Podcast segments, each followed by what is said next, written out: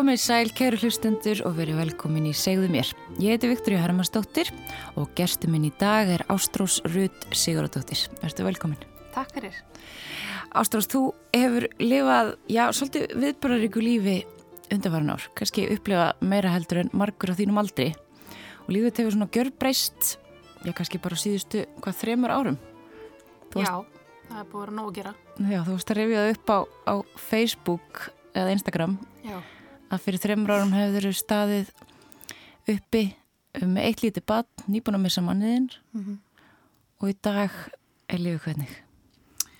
Það er, það er allan upp á við, það er miklu betra. Það er bara dásamlegt ef ég vera alveg hinskilin og eitthvað svona kannski sem að ég bjóst ekki við. Þegar, fyrir þreymur árum þegar ég stóð þarna og vissi ekki alveg hvað ég ætti að gera við sjálf á mig en en hérna hafði sem betur fyrir litla stelpu sem ég gæti hugsað um og gæti vakna á mótnana fyrir og lifa fyrir. En, en já, þegar þú lendir í þeim aðstöð, aðstæðum að, að missa makarðinn og að þurfa að halda áfram með lífið án, án besta vinarði eins og sálufélaga þetta er náttúrulega maki sem að ég var bara eiginlega búin að þroskast með. Því við kynntumst þegar ég var 16 ára gömul og þegar maður stendur uppi og hugsa bara ok, hvað nú? Mm -hmm. Hva, hvað er lífið að segja mér að gera? Hva, hvert er það að leiða mig? Hvert á ég að fara? Hvað á ég að gera? Um, þetta er alveg stór spurning sem að það er ekkert að svara fyrir en að þú bara tekur skrif og heldur áfram. Já, það eru bökkum aðeins tilbaka. Þessi maður sem þú kynntist 16 ára gömul. Já. Uh, hvað hétt hann? Hann hétt Bjarki Már. Þetta var svona, hvað ég segja, mentaskóla ástinn Þannig var ég nýbyrjuð í Versló og ég var búin að vera örgla í einni eða tvo daga hérna í Versló þegar hann sá mig. Og já, þetta var bara, þetta gerðist mjög hratt. Fyrsti kærastu minn og við vorum alveg mjög ástfangnir úlingar.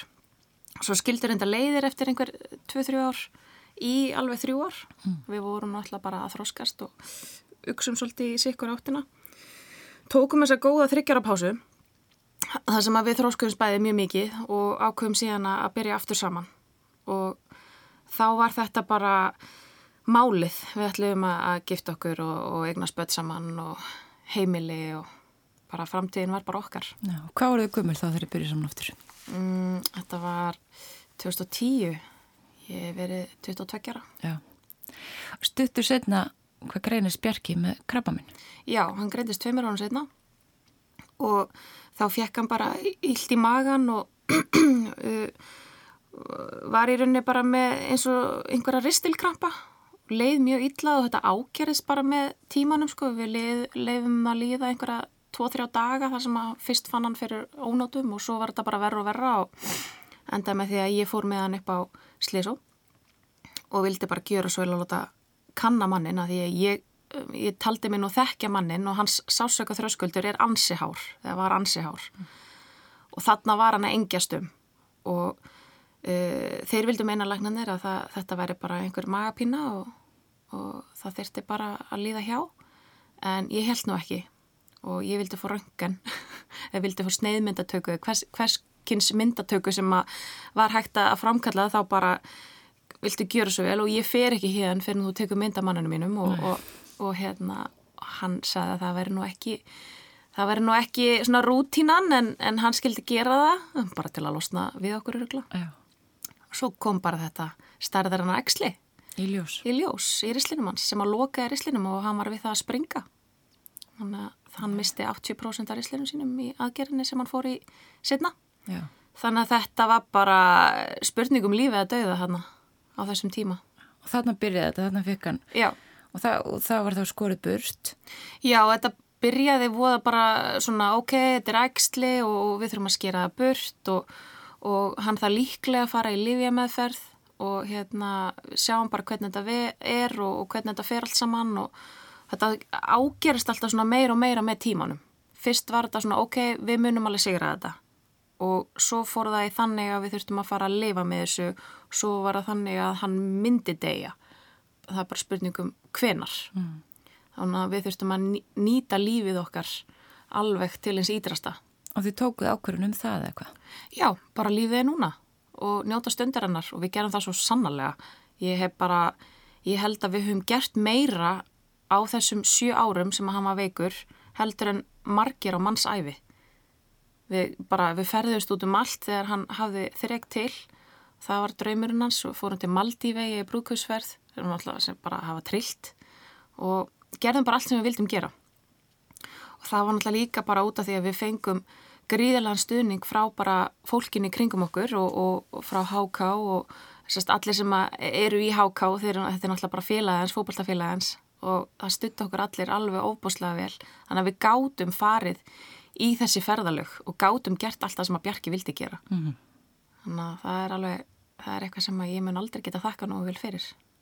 En það geta skapa dýrmata minningar svona milli veikindina millir sem var mjög veikur. Já, það, er, það var bara ljósið í þessu stóra verkefni mm -hmm. að geta farið eitthvað aðeins spurt og glemt sér og verið bara við tvö og það var uh, stundum var að þannig að hann var rosalega veikur í ferðarlegunum okkar og þá þurfti maður bara einhvern veginn að meika það, maður bara tók það á jákvæðinu sko, ég var stundum rúlandunum á hjólastól hérna hinga á þanga einhvern tíman í Berlín og líka í Stokkólmi og fórum á tónleika í Berlín og það var útrúlega gaman og veist, við náðum samtalið að skemmt okkur. Mm -hmm. fórum þá bara í hjólastólaralli þetta var ekkert mál. Gerðu bara besta úr þegar það eins og voruð í. Já, hann er náttúrulega með eitthvað mindset sem að bara engin annar hefur held ég Nei. eða hafði, veist, það er bara mér finnst ég alltaf að vera að tala um hann í, í nútíð sko Já. en að því að ég er að refi upp þessar minningar en hann var með hann var með bara hug sem að og dyrsku og bara hann var svo ótrúleur hvernig hann hugsaði og hvernig hann talaði. Þetta var einhver sál sem að, sem að enginn kemst yfir í rauninni. Þess vegna snert hann svo óbóslega mörg hjörtu og það er svo margir sem að sirkja hann ennþá í dag af því að hann hafði svo mikil áhrif á okkur. Er, uh, hann, þetta, hann var alveg magnaður. En þessi eh, staða að vera í þegar maður er réttur um lögtvítur og sér fram á að magiðin er bara orðin alvarlega veikur Já. Var, var þetta aldrei svona, eitthvað neginn svona uh, spurningum hvernig, hvernig þú ætlaði að, að díla við þetta, hvað, hvað þú myndi gera? Jú, jú uh, ég myndi segja að ég hef farið gegnum uh, og, og farið gegnum allskynns tilfinningar og hugsanir. Uh, fyrst var það að sjálfsög þannig að við ætlum bara að segja þetta saman og, og, og og lífið væri framöndan og svo þegar koma því að við þurftum að lifa með þessu og hann myndi degja einhvern tíman að þá var það óbáðslegt áfall og ég fór í gegnum óbáðslega erfiðan tíma á þessu tímbili mm, bæði bara það að hugsa ok, ég er 20 okkar á gömul ég og all lífið framöndan og ég er á þú veist mínu besta tímabili hérna í lífinu og og ég er að feysa það að maður minn er að fara að deyja. Og ég veit ekki hvenar og ég á basically bara hjúgrunum þánga til að hann fer. Og ég á ekki að gera neitt annað. Lífur svolítið stoppavendilega þá meðan. Það stoppaði allt saman. Ég tristi mér ekki til þess að fara í nám. Uh, ég átti erfitt með að vera í vinnu á þessum tíma þegar hann var sem veikastur þá áttu bara svolítið heima upp á spítala en, en hérna just, samlífið okkar náttúrulega bara þegar just, samlíf, kynlíf það var náttúrulega bara non-existent sko. Þannig að þetta var Þetta var mjög skrítið samband og uh, margir kannski myndi kalla það mjög óheilbrygt samband þar sem að ég er hjúgrunnar aðili og hann er sjúklingurinn og sambandi var mjög mikið þannig. En uh, við vorum bara svo óbúslega góðu vinir og við fundum það bara, við tengdumst á einhverjum allt öðrum böndum. Og það var aldrei spurning um eitthvað að, að hætta saman eða, eða sko ég fótti sálfræðings og allt á þessu tímbil og hún sami bara slöfa þessu og vera freka vinkonans Já. og ég ætti bara að fara og frekar og, og fá mér einhvern annan mann sem að væri heilbröður og ég bara kemur út þessu viðtali bara er hún eitthvað, hún eitthvað klikkuð bara er ekki séns, ég, ég fann það bara í hjartunum mínu bara er ekki séns að ég geti farið frá þessu manni. Nei. og þó svo ég væri vinkons þetta, bara, þetta, þetta meikar ekki séns. Þannig að hún kannski ítti mér að þá frekar að því að bara að halda þessu áfram og... Færi gegnum þetta með honum? Já, já, já, það var aldrei spurning um neitt annað. En þetta var erfitt tímabil þar sem að þú ert ungur og þú náttúrulega bara, þú veist, ég er kynvera og ég þarf bara á mínu að halda. Þannig að þetta, ég þurfti bara að finna aðra leir og, og það var bara, það er önnur tenging og það er að haldast í hendur og það er bara, við tengdumst þess vegna á einhverjum öðrum böndum, einhverjum sem að ég get ekki útskýrt. Þetta var eitthvað svona andlegt sem að bara, um, sem að engin annar getur útskýrt nema kannski fólk sem hefur verið í söpum spórum og ég. Finnir svona nánda eitthvað annan hátt? Já, bara við vorum svo óbúslega tengt og, og vorum miklu vinir og við gáttum gert svo margt annað í staðin. Veist, það, það bara gaf mér svo, það gaf mér svo mikinn lífskraft bara það að spila rommi við hann. Mér fannst það bara ótrúlega skemmtilegt og spjalla við hann. Og við gáttum tala saman fram eittu nóttu uh, um heima og geima. Þó svo hann var á spítalanum og ég heima eða, eða ég með hann á spítalanum þá stundum sussað á okkur. Þess, þetta var bara, þetta var dásanlegt samband. Og ég sé ekki eftir ekki eftir einni sekundu og svo eignist þið saman eitt bad já, fórum í glasfjörðugun og, og það tókst. Og hérna ég held að ég held að þetta sé bara einn fullkomnasta prinsessa sem að ég nokkuð tíman geta mögulega búið til. Það tók tíma það ekki að jú, þetta var held ég einhverju 14 mánuðir frá fyrsta vittali sem að það tók mig að verða ólétt. Uh, þetta er náttúrulega bara langt ferðlistundum en, en þetta tókst og, og ég bara þetta var, þetta var draumurinn hans að vera pappi hann langaði að vera pappi bara frá því hann var 12 ára þannig að þetta var þetta varða að gerast og svo fór, fer ég reyndar aftur í glasafrjókun uh, þegar hún er 6 mánuða að því að ég vildi eignast tvö börn með honum, ég vildi að þau eruðu allsískinni og þau hefðu hvort annað, mm. að við vissum alveg hvað stemdi og ég náði því sérst, að verða ólétt uh, og, en missi svo og þá átti ég að fara aftur í svona svo kallega uppsetningu mm -hmm. á fórstuvísi og það átti að gerast 3. júli en hann kveður 27. júni og sangat lögum að þá máttu ekki, þú veist, það er öllu bara flykt í ruslið. Öllu fórstuvísum það var pilla sem ég þurfti að gera svolítið að kingja ég átti mjög erfitt með það. Mm -hmm. að þetta var, þau voru bara búin að ákveða eitthvað. Ég er svolítið þrjósk sko. Þau voru búin að ákveða eitthvað, þá er svolítið erfitt að, að breyta þeirri áallin Það er búin að sjá þetta fyrir þér. Já, en þarna þurfti ég að sætta mig það sem ég fæ ekki breytt. Þannig og ég er alveg ég hugsa ég sé, ég sjáu núna af hverju þetta gerist allt saman. Þetta átti að opna aðeins styrnar fyrir öðru lífi sem að ég á núna í dag. Mm. ef ég hefði eignast þetta bann líka, þá hefði ég örgulega verið mun lokari fyrir samskiptu við aðra kallmenn og bara að því ég ætlaði bara að ala þessi börn upp einn og vera bara einn mm. forever. Þannig að þetta mögulega svona opnaði dyrnar. Ok, herðu, nú þarf ég bara að finna mér annan mann einhver tíma því ég er tilbúin og, og, og eignast með húnum fleiri börna því að ég ætlaði eignast fleiri börn, það var alveg klárt mál En meðan á þessu stóð, þá varstu mm. mjög ábyrrandi í, í svona, já, barátti fyrir fólk sem að glímuði krabba minn. Já. Varst, í, varst ekki formaðu krafts? Jú, jú. Já. Og þú, þú fórst svona alveg bara alla leið í baráttunni? Já, ég fór alla leið. Ég bara sá bara hvað vantaði upp á og, og, og hvað í rauninni fólk sem er að heia þessa baráttu þarf mikinn stuðning og mikla hjálp og ég vildi bara vera partur að því. Það er rauninni komið ekkert annað til greina þegar ég uppliði þetta á eigin skinni hvað það er að vera aðstandandi og hvað, hvað Bjarki var að ganga í gegnum og hvað, veist, þetta kerfi sko, þetta er náttúrulega bara því líku frumskóur og ég vildi bara auðvelda um lífið Já. þetta var, er ekki svona flóki fyrir þau eins og þetta var fyrir okkur Þurftu bara einhvern veginn að finna upp á öllu sjálf eða hvernig Já, Já. þú þarfst að vera bara, þú þarfst að finna alla pappira sjálf og, og fara með á hinga og þanga og láta sjúklingin fara með pappirinn út um allan bæ eins og hann hafi eitthvað þreki það hann er vist henni miður í livja meðferð og kastandi upp hérna 20.000 á sólaring bara glemdi því. Já, það lendir á aðstandundum. Já, þetta er nú örglóðan aðeins betra í dag, það voru svo mikið rafrænt í dag. Já. Bara. Þannig að þetta er mun, þetta mun skarra í dag en þetta er samt algjör frumskóður. Já, akkurat. En þarna þegar þessu kveður bjergi, Já. Þá eru þið Það eru búin að standa fram í fyrir því í daggóðan tíma að þetta sé bara búið, þetta Já. sé að enda. Lífans sé bara hann að sjúdómin er að taka yfir.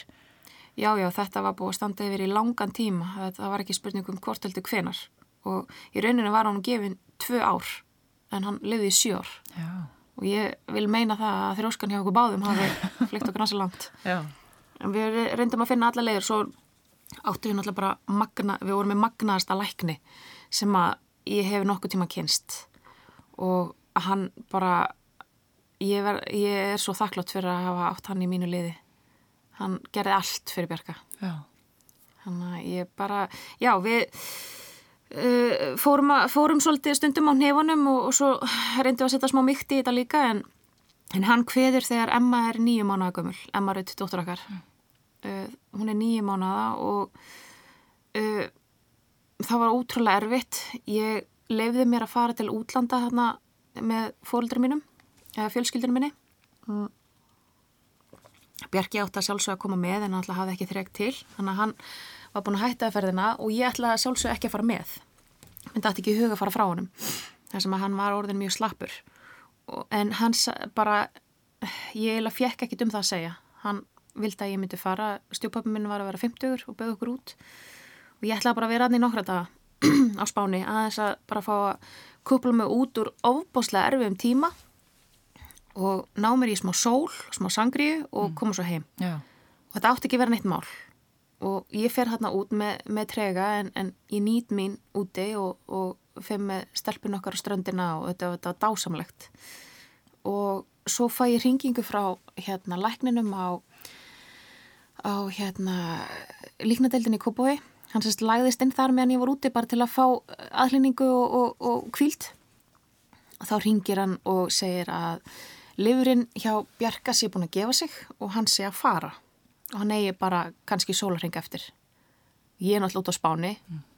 átti ekki flug fyrir hann eftir held ég einna hálfa sólarring og gjörsamlega missi kúlið og uh, ég man að ég er einin á herbyggi og ringi fólkdra mína og segja um að koma heim og þau koma alveg ábáði og stjúpapi fyrir að hérna, panta flug fyrir mig, reyna að finna eitthvað flug. Að því ég er náttúrulega bara í gæðsræðingu að reyna að pakka einhverju niður og enda með því að fólkdrar minn sögur bara taktu bara vegabrefið, badnið og bróðiðinn mm. og fariði bara út núna. Og við fundum flug þú veist, maður millilenda í París en við fundum flug heim og ég var komin hann um kvöldið á leiknadeildina og, og hérna og þá var hann bara meðutundalus og, og var mjög illa haldinn En ég lág hjá hann um alla nóttina og, hérna, spjallaði við hann án þess að hann kannski svaraði mér en ég vissi hann heyriði mér. Og svo kveður hann á hátegi daginn eftir. Og það var óbúrslega uh, erfitt að, að meðtaka bara að þetta gerðist svona hratt að því að ég hafi talað við hann kvöldi áður þá var bara allt í fína og hann var ekkert það var ekkert sko inn í myndinu hann var eitthvað að fara að fara Nei. við ætlum að reyna að eiga allan að sömari saman Já. þetta var ekki fyrir í loki júni þannig að þetta var svona þetta var pínu skellir en, en uh, ég ákvað þarna á þessari stundu að, að aldrei, aldrei, aldrei hugsa tilbaka bara ó ég hefði ótt að vera bara heima með honum ég hefði ekki ótt að fara út og fá eitthvað samvinskupitt vegna þess að þetta gaf mér kraftin til þess að fara í gegnum næstu dagana. Já og ég náði að vera hjá hann þegar hann kvatti mm. hann kvatti í örmunum á mér í fanginu mínu. Og það er eitthvað sem að eh, ég vildi alltaf myndi gerast hvar sem er, hvena sem er. Þannig að í rauninni fekk ég fengu við bæði það sem við vildum. Hann vildi hvaðja í fanginu mínu og ég vildi fá hvaðjan í fanginu mínu. Já. Þannig að ég mun aldrei sjá eftir að hafa farið út þetta voru örfá dagur og það sem þetta gaf mér og komist í gegnum þetta og geta þú veist þá þarf að plana jarðaför og allt saman og þetta er, þetta er óbúslegu biti. Hafður þú styrk til að halda áfram? Já, algjörlega. Já. Og hvernig þessi næstu dagur eftir, hvernig voru þeir? Í móðu. Mm, ég man bara eftir uh, ég man bara eftir tímunum með prestinum þar sem við vorum fjölskyldan að plana jarðaföruna og hérna kistulagninguna. Uh, ég man samt ekkert mikið eftir neina öðru. Nei. Ég ég man bara ég vildi hafa þetta fullkomið og við vorum búin að skrifa í litla bók hvernig hann vildi hafa þetta þú veist, hann var með svona sér óskýrum hitt og þetta mm -hmm. sem að ég ætla bara, ég ætla bara að taka það fram að það er mjög mikilvægt að gera það með makanum sínum, ef að þið vitið hvernig mun fara ef að makin er að fara að kveðja að skrifa í litla bók bara hvernig hann myndi vilja hafa jarðaföruna sína. Hvort hann sé með einhver sér lög eða söngvar eða hvernig sem er eða prest. Að skrifa það niður að því að þetta auðveldar manni alveg helling, bara já, Bjarki vildi þetta þannig að við höfum þetta bara svona. Já. þá er ekkit, það er ekkit verið að pæla í einhverju öðru. Engin hafa skoðanir á því eitthvað. Nei, allir, og allir sáttir. Já. En ástrúst þetta er svona absúrt stað að standa frammi fyrir að vera mm -hmm. jarða makasinn og rétt rúmlega þrítug Já, þetta er fárlegt í rauninni. Og vera búin að ákvæða þetta allt, hvernig þetta á að vera og, og þurfa að taka svona stórar og miklar ákvæðanir um lífið. Já, bara og líka bara sko í rauninni e, dalurinn sem að ég fór síðan í gegnum eftir að hann fer, bara ok ég, veist, ég er að gangi í gegnum einhver dalirna sem ég kannast ekkit við. Hvað, hvert er ég komin og hvert á ég að fara maður er bara virkilega áttaveldur og, uh, og á erfitt með að fóta sig bara að hafa ekki sko manneskjuna sína við hliðin og sér til þess að tala við. Það var það sem ég saknaði mest mm. að hafa hann ekki til þess að tala við.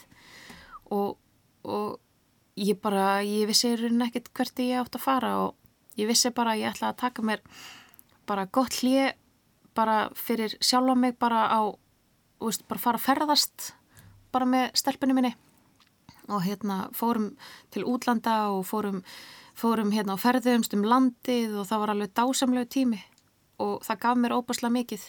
En ég var náttúrulega líka að forðast raunveruleikan Já. ég vildi bara, veist, ég var bara að flýja og það var allt í lagi. Að því að veist, ég þurfti hvort eða einhver tíman að taka stáfið og ég var bara ekki tilbúin hérna á þessum, uh, þessum tíma. Þannig að ég fó bara eitthvað og það var bara geggjað og bara allt í lagi og gaf mér alveg helling en ég, eins og til dæmis, ég svaf ekki í rúminu ég svaf ekki í sefnabrygginu í allavega tvo eða þrjá mánuði að minnstakosti ég svaf alltaf bara fram í sofa þannig að þetta, veist, maður er alveg pínu maður var alveg pínu skemdur og ég er alveg ennþá pínu skemd í dag af bara svona uh, hamfarahyggju. Ég, að því maður er búin að upplifa það allra versta, maður er búin að upplifa það að sko, maður ætlar að sigrast á sig með makanum sínum og svo bara deyran maður er búin að, þú veist, maður er búin að fá svo oft uh, vondar fréttin í andlitið þannig að það er alveg, það er ekkert skrítið að maður sé hrættur og maður sé kvíðinn og hrættur um börnin sín að maður er með svona, svona smá hamfrahyggju mm -hmm. Hvernig hefur þið tekist á það? Hvernig? Mm, ég þarf að eiga bara gott samtal við sjálf á mig Já. og færa rögin fyrir af hverju þetta er mjög óskinsamleg hegðun Svo tala ég náttúrulega við manni minn í dag líka, hann er mjög góður í að spotta þegar ég fyllist þessum, þessum kvíða. Ég er svona, er svolítið hrætt um börnum mín, eða börnun okkar og á það til að svona uh, vera aðeins og stressuð með þá hluti en það, þetta er líka bara móðuröðlið sko. Já. En þarna, segir maður þinn í dag. Já. Stutt eftir að, að bjarki degir, tekur þá eitthvað svona ákverðin um að halda áfram eða láða alltaf fyrir? Ég, sko, þetta náttúrulega gerði samt alveg óvart en, en ég tók ákverðin um að, að, sko, ég ætlaði bara slaka á í tv, svona tvu ár, eitt, tvu ár og kannski mögulega, þú veist, fara á eitt og eitt deiti eitthvað þannig. Já. Þú veist, að vera prófa að vera singul, þú veist, bara, en ég var samt svo ekki tilbúin að vera singul að því að mér fannst ég ennþá að vera bara gift og eitthvað og mér langaði ekki, mér fannst þetta algjör horror að fara á einhver deitmarka. Já og þessir prófílar, hvað heitir þetta, Tinder? Ja. þetta er bara, þetta er, þú veist, mér fannst þetta hryllingur, ég ætla aldrei inn á þetta og fóð náttúrulega aldrei inn á þetta en, en bara ég, ég bara, ég fekk illt í magan og ég hugsa um það að ég þurfti að fara að deyta aftur. Og, og þurfa að fara í gegnum bara afsakið, einhverja hálfvita og með líka þessa miklu reynslu í fæltiskunni það er kannski ekki maður er kannski bara aðeins þróskari heldur en, heldur en, heldur en þessir, þessir gæjar sko, veist, mað, en, en þetta er ákveðin sko stimpill þetta sko þetta, það að vera ekja og vera með lítið bann mm -hmm. þetta er náttúrulega fælir frá alla þessa gæja sko sem maður eru kannski ekkit, ekkit alveg málið. Nei. þannig að ég var líka alveg bara ána með, með það. já. að það eru þá kannski bara svona kallmenn sem virkilega þyrðu. Og þeir myndi þá hafa samband. En, en ég var ekkert að pæli því. Ég bara einhver tíma þegar ég er tilbúin. Og eftir svona tvö ára þá ætla ég að fara í það bara að, að finna mér framtíðar efni í rauninni, bara mm. góðan mann sem að ég myndi eigna spöld með og giftast aftur og, og veist, ég var alveg staðráni því að ég ætla að gifta mig aftur og ég ætla að eigna spöld og, og ég ætla að, að því að ég vildi hafa einhvert lífsfyrnut ég fann það alveg, ég vildi ekki gera þetta einn og þó sem ég get alveg gert þetta einn það er mm -hmm. ekkert mál fyrir maður alveg barnið mitt einn, stelpuna mína, Já. ekkert mál. En ég vildi gera það með einhverjum, einhverjum félag, ég fann að félagskapurinn skipti mig máli.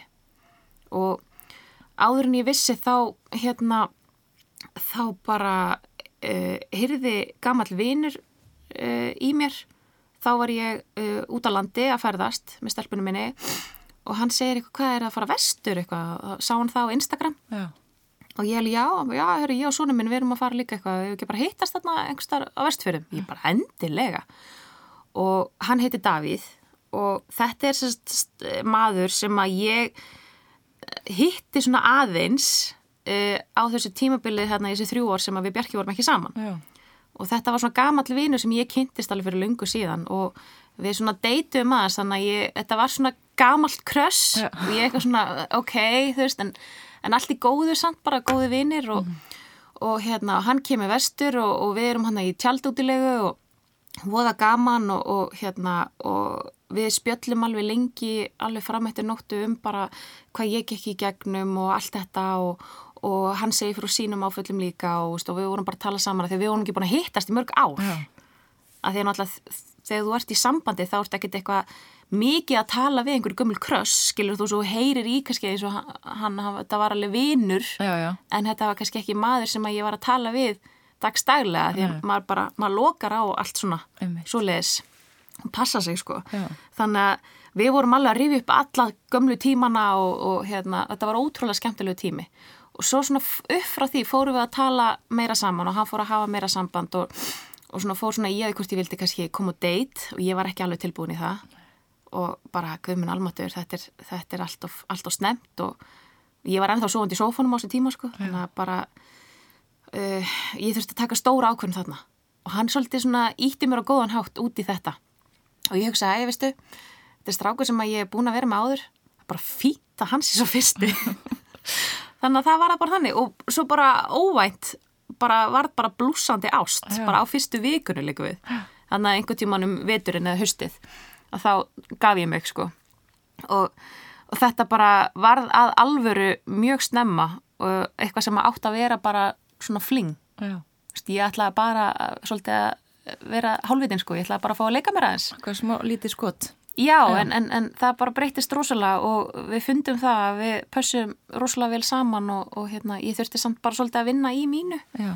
og ég var ekki tilbúin til þess að, að ofinbera þetta neitt eitthvað strax fyrir en að það erði mikil alvara því ég var náttúrulega með bann og ég sagði bara þegar það fór að líða það að þetta var að mikill alvöru og við vorum orðin virkilega hrifin að þá fór ég að, að segja við hann bara, ég menna ef að þú ert hérna, þú veist, ef, ef þið langar virkilega að vera í þessu af alvöru þá þú ert átt að því að þú ert að fara að ala upp stelpu hérna sem að lítir á þessum pappasinn í framtíðinni og, og þú veist, ertu tilbúin í það og ertu tilbúin í hann að pakka? Ég er ennþá að sirkja og, og ég er, verð alltaf í óbúsla uh, miklum tengslum við fjölskyldu Bjarka, mm -hmm. hún er fjölskyldan mín, þú veist, ertu tilbúin í hann að pakka? Og hann bara ekki, bara ekki spurning. Ja.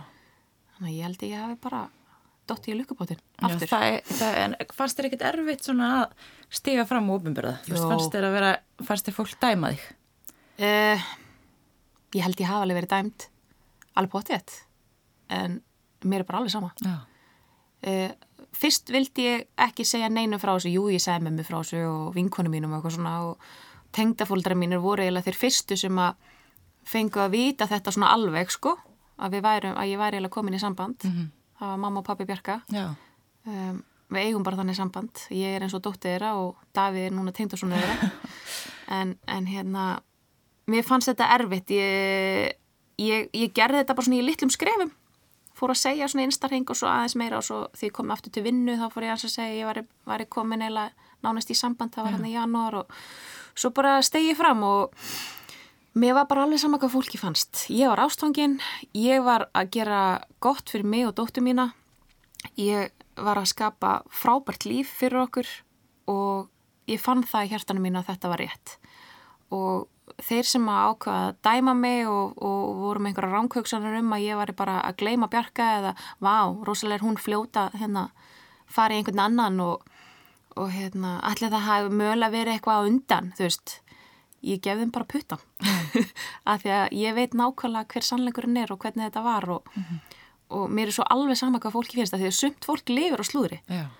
og það er bara allt í lægi ef það gefur þeim einhverja lífsfyllingu uh, einhverja ruslfyllingu þá er það bara fínt mm -hmm. fyrir þau ég er ekki þannig og, og ég bara ég er svo óbúslega ána með að hafa tekið þessa ákvörðin í dag vegna þess að ég veit að ef ég hef ekki svona hoppað út í djúbulegina og, og gert þetta og tekið þetta skref þá væri ég bara ekkert á rosalega góðum stað í dag Nei.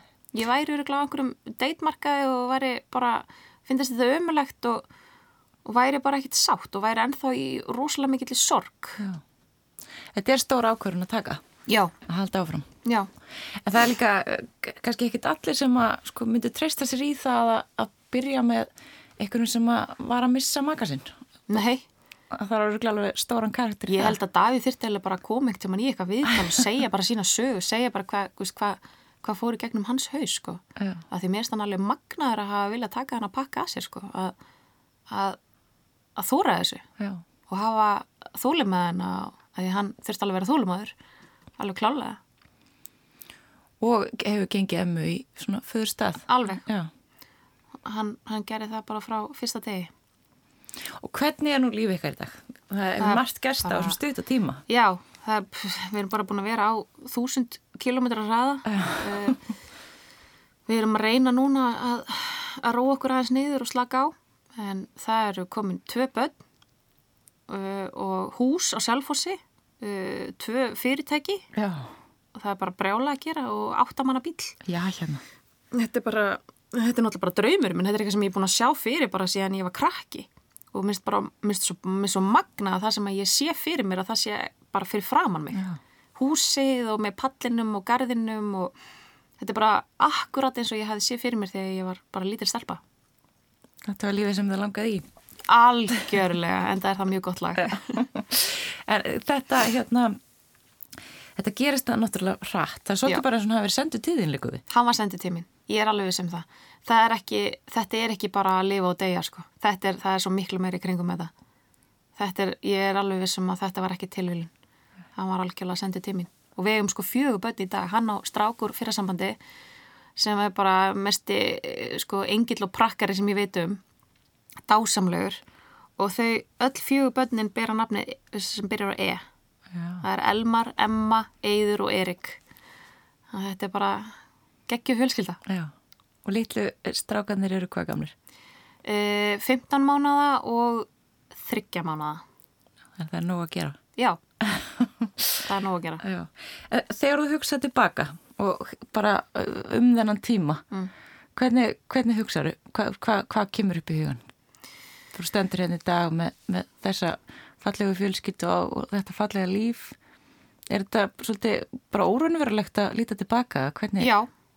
Þetta er, ég, ég sé þetta sem tvo kabla. Uh, fyrsti kabli var kablin minn með Bjarka og annar kabli minn er kabli minn með Davíð og ég ætla að hafa þann kabla bara út lífið. Þannig að þetta er, þetta er tveir kablar og ég þarf að ljúka kablanum til þess að byrja nýjan kabla en ég mun samt alltaf muna eftir þessum kabla og hann mun alltaf hafa að gefa mér eitthvað. Þannig að uh, annars er þú veist, annars er ekkit annars meikar þessi bók ekkit sens. Nei. þannig að Kanski gert það þeirra manneski sem þú ert í dag. Já, já, ég er miklu sterkari fyrir vikið og ég er með úthald og þólimæði sem að mm, sem að ég skil ekki heldur. En þetta er búið að e, gefa mér óbúslega mikið. Þó svo þessi búið að taka líka mikið frá mér þá er þetta samt búið að gefa mér alveg, alveg feiki nú og ég er, ég er miklu betri manneski í dag heldur en ég var. Ég er miklu þroskari og og ég kann, kann betur við mig ef ég að vera alveg reynskilin Hvað lærum maður af svona reynslu? Mm, lífið er ekki sjálfsagt. Og njóttu stundar hannar þú veist ekkert hvað hva getur gerst á morgun eða eftir ári bara reynda að njóta þess að vera til. Ekki vera alltaf að pæli bara eins og ég áttur á til að já, til að hérna, gleima mér í þrifum og svona. Því ég er náttúrulega með fjöguböld og maður er alltaf að reyna að gera allt eitthvað svona shiny sko. Og svo þarf maður að setjast niður og bara líka að njóta þess að vera bara með bönnunum sínum og leika við þau og hafa gaman. Og það er eitthvað sem að það er búið að kenna mér það að, að njóta þess að vera til.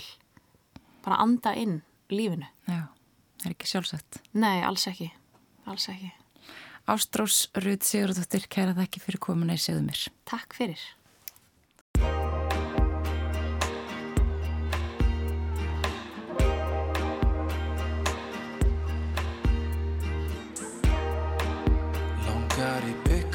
trökk með hestakerru aftan í. Þetta er lífið sem ég langar í.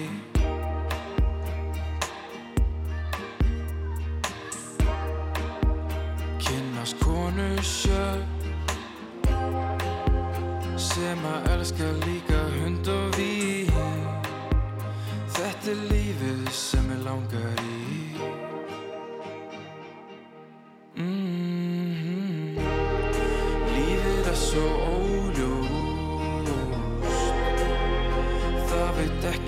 Hvað er að gera?